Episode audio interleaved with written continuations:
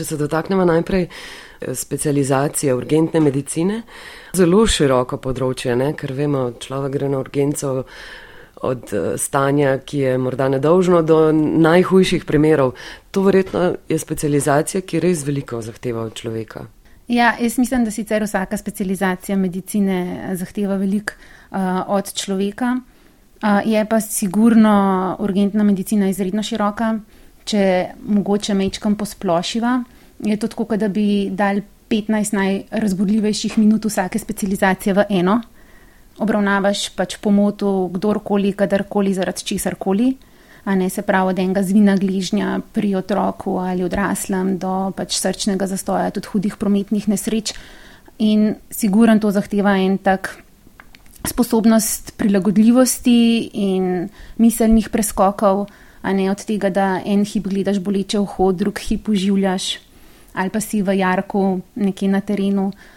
Moramo biti sposobni pač hitrih odločitev na podlagi skopih informacij uh, v časovno omejenem okviru. Kakšni dnevi so mirni, kakšni dnevi so zelo razgibani.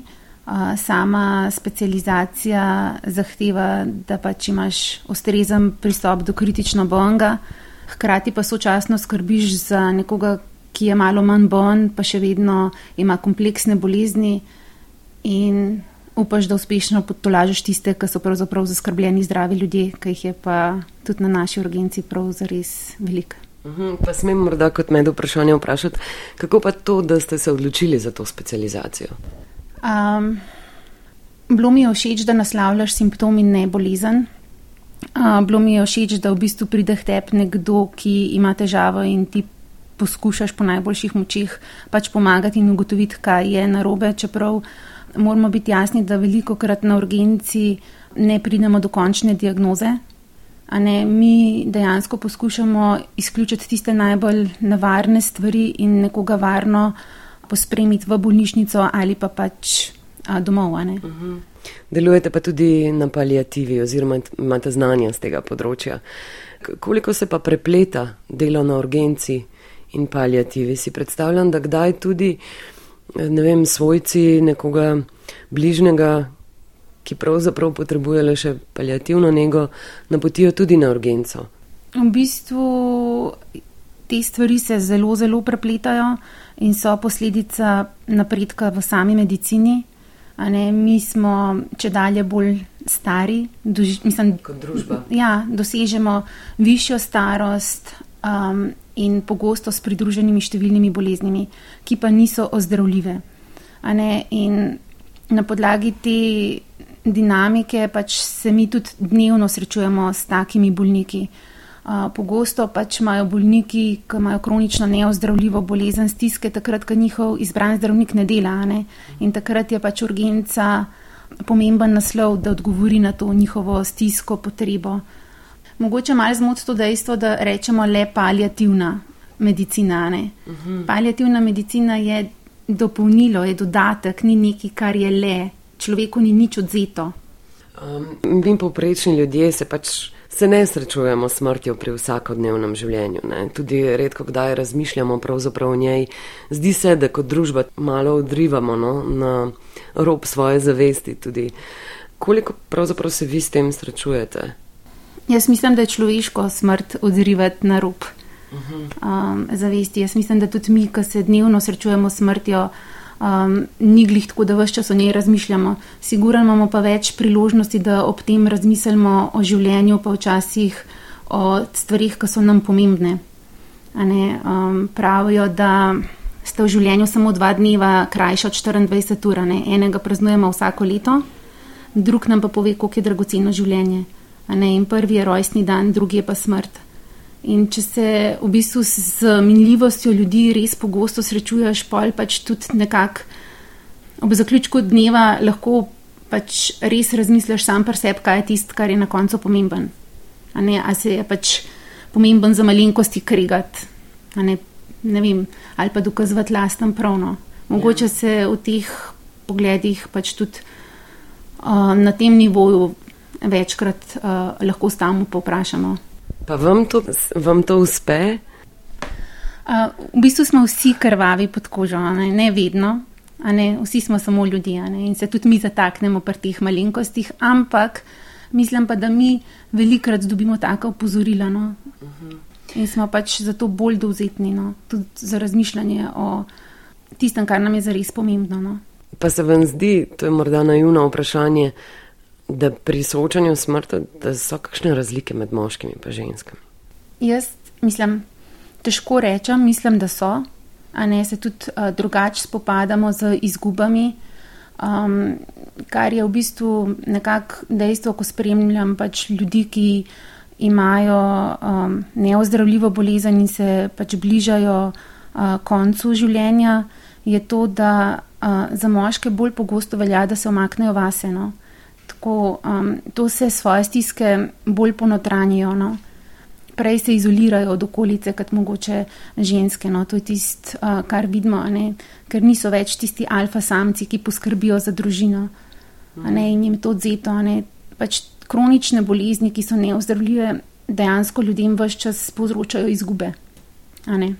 Sam proces umiranja je pa lahko tudi darilo, če se nam pripravimo. In vi verjamete, da se lahko pripravimo? Ja, mislim, odvisen je to tudi od tega, um, koliko se, smo se pripravljeni soočati z lastno boleznijo, z minljivostjo. In tudi ob koncu je to pač lahko dejansko darilo, ki ga lahko damo svojcu, če smo ob njem, in tudi svojc nama. Tudi ti uh, popularni članki ne, o ljudeh, o njihovih zadnjih željah pred smrtjo. No.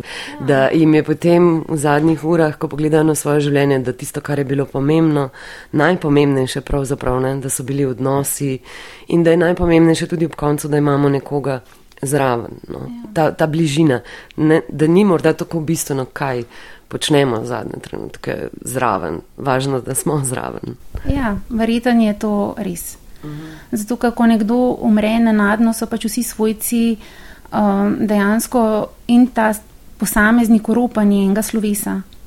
Ne, ko pa imaš ti bolezen, um, ki te postopoma hrumi, ti pa še vedno da čas, čeprav je omejen, da se na to slovo pripraviš. In bolj, ko smo se sposobni pač pripraviti um, ali pa posvetiti čas temu, uh, je lahko tudi ta trenutek v bistvu dejansko slovesen in privilegij ne nujno uh, žalostno. Omenili ste, ko smo se prej pogovarjali pred uh, snemanjem, da je pravzaprav samo 20 odstotkov ne, smrti nenadnih, oziroma ne vem kako točno. Mogoče celo manj, no? mogoče celo manj, tam 15 odstotkov. Ne, za vse nas, večino nas, ne, tudi verjetno za najdve, bo pa umrle te predvidljive smrti. Se pravi, v luči te kronične bolezni. Zelo malo, malo odstotkov ljudi dejansko umre zaradi srčnega infarkta danes, ne, ali pa zaradi hude poškodbe. A, večina nas bo umrla zaradi kronične neozdravljive bolezni. Uh mhm. -huh. Pa tudi mislim, da ni prav, da se celo življenje pripravljamo na ta odhod. Ne. To ni smisel tega, ampak ko enkrat pride do tega, da pa je konec blizu, je pa mislim prav, da se uspemo toliko zbrati, če le zmoremo, um, da poravnamo račune sami sabo, z okolico. Ko sem se pripravila na pogovor, sem našla uh, nekaj vprašanj, ki jih upisujejo v spletni brskalnik ljudje. Um, kako dolgo traja umiranje, kako izgleda, ali umiranje boli. So to ta vprašanja, s katerimi se tudi vi eh, srečujete pri svojem delu? Mm, v bistvu, medicinsko gledano, ima proces umiranja um, svoje časovno okno naj bi trajalo tam do 14 dni, ampak to govoriva vse o umiranju v luči pač napredovale bolezni. A ne bodi si, da gre to za maligno bolezen, v bistvu najpogostejše in tudi največ izkušenj imamo a, na podlagi tega. In lahko traja do 14 dni. Obstajajo številni telesni kazalci, ki kažejo, da je smrt zelo blizu in kar se meni zdi ključno, je, da v tistem trenutku profesionalno osebje, se pravi zdravstveni kader, prepozna, da je nastopil proces umiranja. Ker ko enkrat človek prestopi v ta hodnik, je to irreverzibilni proces. Mi ga ne moramo ustaviti, ne glede na to, kaj naredimo, koliko celk napičemo v človeka, uh, lahko ga zgolj in samo podaljšamo. Kar si mislim, je, da takrat človek potrebuje druge stvari, ne medicine. Ja, ker v bistvu proces umiranja se skozi stoletja ni spremenil. mi umiramo enako, tako kot se rodimo, bolj ali manj enako. En porod je dolg, drug je kratek. In tudi tako eni se poslavljajo, ne umrejo na mogoče daljši način, eni pa na krajši, ampak postopek je v bistvu pa približen enak. S čim imajo svojci težave, ko mi pridemo na teren, je to, da pač njihov bližnji več ne je, da ne pije, da čudno diha, da hrope. In tukaj se moramo pri teh nemedicinskih stvarih ustaviti in z njimi pogovarjati, da v bistvu zdaj ni čas za hrano, da zdaj pomembnejša druga vrsta hrana, duhovna hrana, da je v bistvu manj kot za enega telesno naredimo več. Manj kot posežemo v ta uh, proces, boljše za človeka. In je dovolj, da smo tam, da da ga pobožamo, da um, mu zmočimo usta, Ne, pogosto pacijenti dihajo skozi usta, včasih kot riba na suhem rečemo, nekaj hlastajo. Um, ampak to so že res kazalci zelo, zelo bližnje smrti. Uhum. Obstaja tudi fenomen, ki se mu reče ropotulja smrti, a ne to je tako običajno v zadnjih dveh dneh pred smrtjo, ko hropejo, ker se nabirajo izločki v zgornjih dihalih, ampak to praviloma tistega, ki uh, umira, ne moti, a ne moti svojce takrat rečemo, da spremenijo položaj telesa.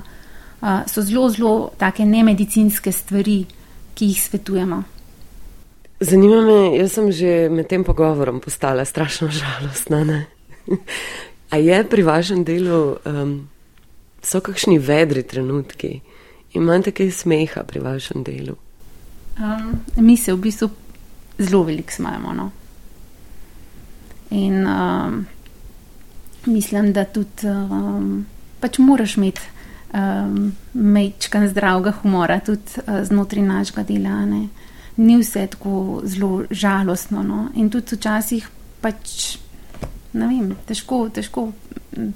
So trenutki, ko smo žalostni, um, so uh, okoliščine, ki nas zelo prizadenejo, in takrat je prav, da tudi to žalost izživimo. So pa tudi številni trenutki, ki pa naredimo recimo veliko dobrega. Tudi to, da nekomu, zdaj če se pogovarjava o smrti, ne, če je bolnikova želja, da ostane na domu in mu to kot uh, zdravnik omogočimo in tudi svojce opremo s tem, da ga pospremijo, pa ni to tudi veliko darilo. Tudi če ne reša življenja, mhm. a ne pa če izpolniš njegovo zadnjo uh, željo. In jaz mislim, da tukaj uh, jaz pa v bistvu ne čutim žalosti, ne čutim, da sem nekaj dobrega naredila, tudi če nisem uspela pozdraviti. Ja. Um, kako pa gledate na današnji praznik, 1. november? Um, ja, 1. november je tudi za me uh, zelo poseben praznik. No, jaz sem v bistvu doživela izgubo očeta pri svojih 17 letih zaradi nenadne srčne smrti in tudi kasneje pač bližnjega svojca zaradi uh, rakave bolezni. Jaz mislim, da je to res čas, ki običajno ga preživim tako, da dan prej grem na pokopališče in v pač miru se predvsem zvečer sprehodam, ko vidim tiste svoje, svoje sveč, to me zelo tako pomiri. Um, pač razmišljaš o človeku, ko si ga zgubil, o smislu življenja, o, mogoče tudi narediš malo uravnilo, kje se sam nahajaš. In se mi zdi to celo boljši praznik kot božič, ko delamo vsi ene za obljube, kaj vse bomo naredili, kako se bomo spremenili.